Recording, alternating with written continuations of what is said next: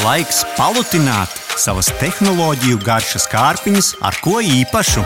Saimniek, vienmaz gadžetiņu! Renault Clio daudziem varbūt jautājums neradīs. Tas bija iecienīts jau kopš tā iznākšanas 90.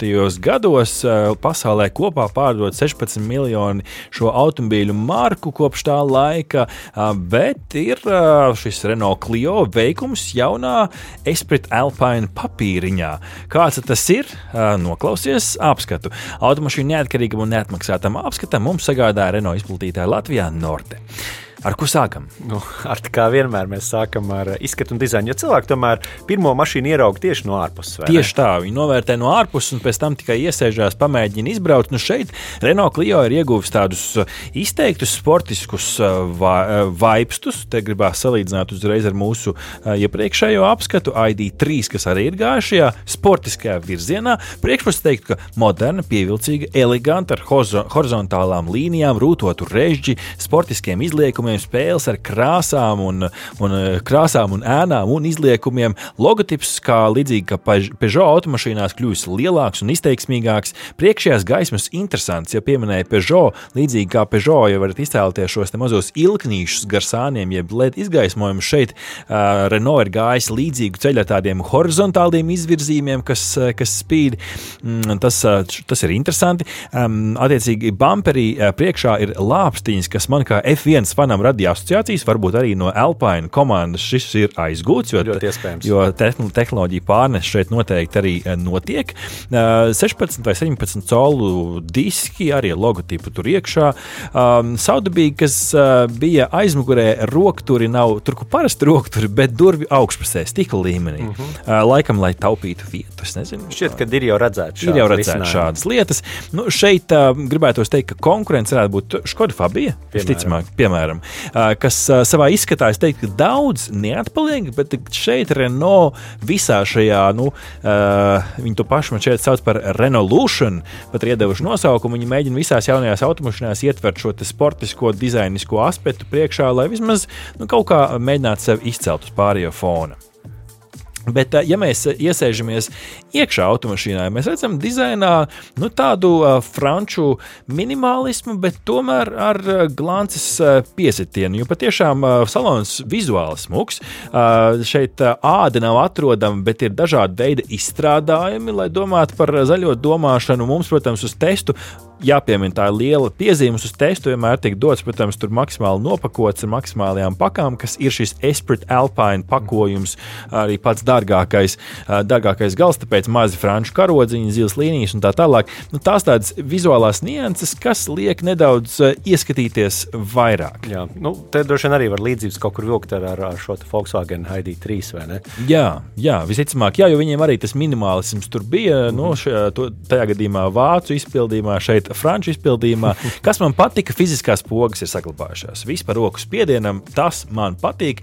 Es neesmu uh, tajā kategorijā, kurš saka, ka visas pogas ir jāizvāc, jo tomēr ziemā ar cimdiem ir tomēr ērti, ka tā poga tur arī ir. Digitālais ekrāns pašā uh, centrā, 7 līdz uh, vai, vai attiecīgi šīs nepilnās 10 colas, ap, ap, nu, atkarīgs no aprīkojuma, kas man patika šajā 10 colu izpildījumā. Ver, e, ekrāns vairāk vertikāls, tad veizā, piemēram, labāk visu ieraudzīt. Līdzīgi līdzīgi kā Teslas sākumā. Līdzīgi kā Teslas sākumā. Nu, pats salons, teiktu, varbūt nebūs sākumā loģiski, bet pietiekami plašs, lai neteiktu, ka šaurs. Priekšā daudz vietas, bet, ja kārtīgi atbildi krēsls, teikt, ka četri gari cilvēki nesasēdīsies. Čet, divi gari, divi īsi, jā, viss kārtībā. Bērns aizmugurē kaut kādā kombinācijā būs. Iepirkum, iepirkumiem bagāžnieks būs labs, bet nu, tāda kārtīga ģimene ar šo auto jau nedaudz nomocīsies. Tehnoloģijas, kas ir atrodams automašīnā, Par braukšanas lietām te viss, es teiktu, ka ir līmenī. Uh, adatīvā kruīzes kontrole, turēšanās starp līnijām, avārijas bremzēšana, zīmju lasīšana pa ceļmalā, mm. bet ne virs ceļa. Tas jau laikam tādas ierastas lietas. Ierastas, mašīnā, bet teikt, jau ierastas lietas, bet tās tur ir. 3D skats no augšas, um, krāsainas LED gaismas uh, iekšā salonā, klimata kontrole uh, priekšā aizmugurē. Uh, neatradu gan aizmugurē USB uzlādes portu. Ko gan ģimene ar bērniem tur darīs? Labs jautājums. Uh, mazās interesantās lietas, ja atslēga kabatā šoferim aizejot projām, mašīna aizslēdzās. Tātad kognitīvā disonance šeit ir atrisināta.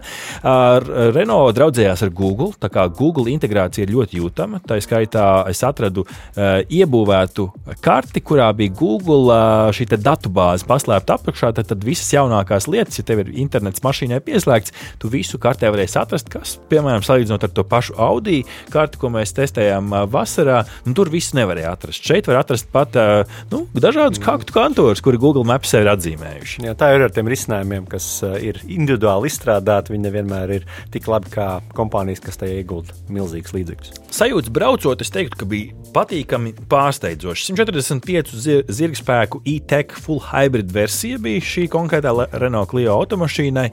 Un, tā, Ir iespējams izvēlēties arī iekšzemes dzinēju un arī LPG kombinēto versiju, bet tas, kas man patika braucot, uzņemot ātrumu uz šoseis, kur tu vari arī ieskrieties, nebija sajūta, ka tu brauc ar mazu automašīnu. Stabili, labi gāja savu gaitu, kas bija jauki. Es nezinu, kā gan šobrīd ziemā, varbūt ka sajūtas citādākas, bet kopumā stabils sajūtas. Šis konkrēti 1,6 litru motors, un kas ir interesanti tam ir šī hibrīda versija. Tas nozīmē, ka pilsētā, es teiktu, pat 75% varbūt pat laika sastrēgumos tu brauc ar elektromotoru. Tas uh, brauc, uh, uzlādējās nedaudz bremzējot, līdz ar to tev visu laiku ir šis elektromotora piesitiens. Nu, uz šoseis tas vienā brīdī pārslēdzās uz benzīna motoru, un tur tas, protams, ir jūtams. Nu, tas atspoguļojas arī uz patēriņu. Auto ir ekonomisks uz šoseis. Man sanāca, tas bija mans konkrētais gadījums. Uh, tas bija rudens, kad mēs šo auto notestējām 2,5 līdz 3 litru uz 100 vienkārši tādā monotonā ātrumā braucot. Protams, pilsētā ar elektromotoru palīdzību vēl ietaupi arī degvielu. Nu, līdz ar to gribētos iedot tādu rezumē par Jā. šo automašīnu. Dinamisks pilsētas auto mazai ģimenei, jaunam profesionālim vai tādiem, nu, kur nav liels prasības attiecībā uz automašīnas vietu. Iespējams, viens no vairākiem automašīna, automašīnām ģimenē, ja, protams, maciņš to atļauj. Bet sportiskā braukšana bija pamanāma, bet uh, tas izskats noteikti neatspoguļojās līdz galam tajā uh, brau, brauc, braukšanas prasmē. Katrā ziņā mini-rallijā ar šo mašīnu nestartēsi, bet uh, priekšpilsētnieki varētu būt labi.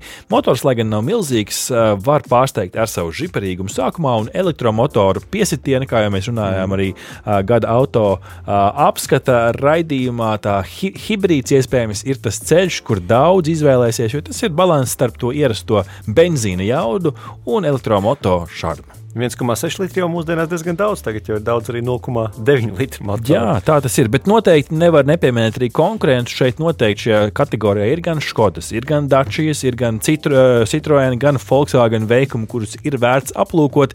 Jo šeit, nu, protams, kas vienam der, kas vienam patīk, tas otram varbūt ir mīnus. Tā kā nu, šāds pēc labākiem ieskatiem apskats no mūsu puses. Aha! Paldies, ka noklausījāties mūsu līdz galam! Ja patika, uzspiediet like, atstājiet komentāru vai padalieties ar draugiem. Un nobaudiet arī citas epizodes, kā arī sekot mums, lai nepalaistu garām savu ikdienas tehnoloģiju ziņu devumu.